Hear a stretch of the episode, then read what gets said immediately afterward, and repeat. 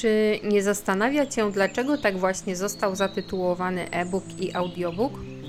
Zatem zapraszam do słuchania. Miasteczko czereśnią kwitnące. W herbie pystrskim zauważ winorośl trzymaną w dłoniach dwóch znajdujących się na nim osób. W pobliżu rzeki Warty dawniej znajdowała się winnica, a jej dzikie pnącze mogłeś zobaczyć idąc ulicą nadrzeczną na samym początku naszej wyprawy. To jednak nie wszystko. Gdy zaczyna się sezon zbiorów, możesz spotkać na tym terenie wysyp wspaniałych owoców, o które pieczołowicie dbają tutejsi sadownicy. Rosną tu takie owoce jak czereśnie, brzoskwinie, wiśnie czy śliwki. Powstanie tutejszych sadów ma swoje korzenie w historii. Otóż za czasów zaborów w części pruskiej bardzo prężnie rozwijał się przemysł, zatem ludność emigrowała ze wsi do miast. Po stronie rosyjskiej sytuacja była odwrotna. Ziemie, które były dziedziczone przez kolejne pokolenia, uległy rozdrobnieniu. Zatem w części pruskiej możesz dostrzec wielkie połacie ziemi, na których uprawia się po dziś dzień wszelkiego rodzaju zboże. W Pyzdrach, przez wzgląd na wąski podział pól, ziemię te przeznaczono pod sady i które w idealny sposób do takiej formy pasują. Pyzdrskie sadownictwo jest wizytówką współczesnego miasta. Gdy przychodzi wiosna, wjeżdżając do Pyst od strony wrześni, możesz dostrzec pięknie przyozdobioną kwieciem po obu stronach drogę.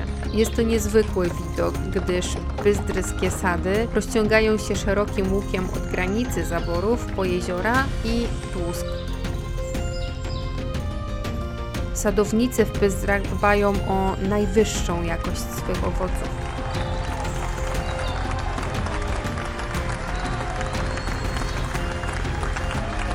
Jest wiele przepysznych przepisów na owocowe potrawy, jednak te, które cieszą się niezwykłym uznaniem, to wszelkiego rodzaju dżemy. Legenda głosi, że najsmaczniejsze to te czereśniowe, a ich smak na długo pozostanie w Twej pamięci. Znajduje się tu również tłocznia, a wraz z nią przepyszne soki, wyprodukowane z jabłek z pyzdrskich sadów.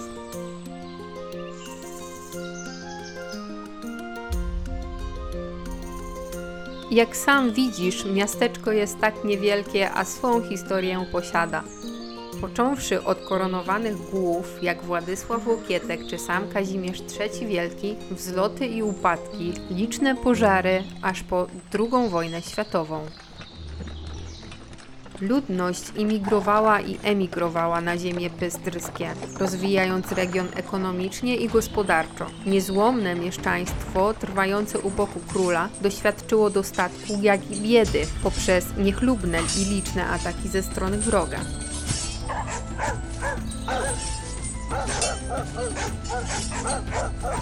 Sława krzyżaków dotarła aż tutaj. Historia wszystko pamięta, podobnie jak pozostałości murów obronnych, które są jedną z najstarszych pamiątek po tamtejszych czasach.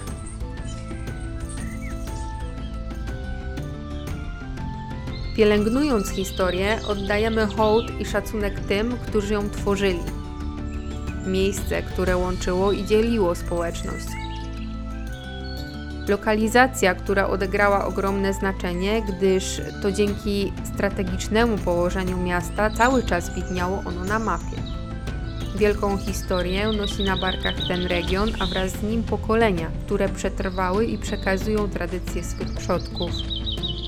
Chodząc szlakiem, którym niegdyś przechadzał się król, można poczuć dumę oraz na chwilę zapomnieć o codzienności życia. Obecnie miasteczko spowite jest wieloma niuansami, jednak chęć zmian ku lepszemu to klucz do osiągnięcia szczęścia.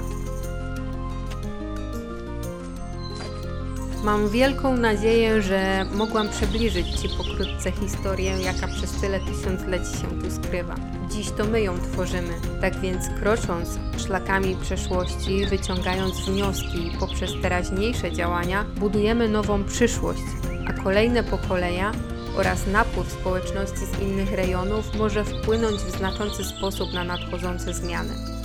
otwartością, współpracą, wsparciem i z wdzięczności do przodków tutejszego regionu, chcąc czy nie chcąc, przejęliśmy sztafetę. Zapraszam Cię również do zapoznania się z e-bookiem, który specjalnie przygotowałam oraz mapą, która jest do dyspozycji. Skrypt granicy miasteczko czereśnią kwitnące. www.skryptgranicy.eu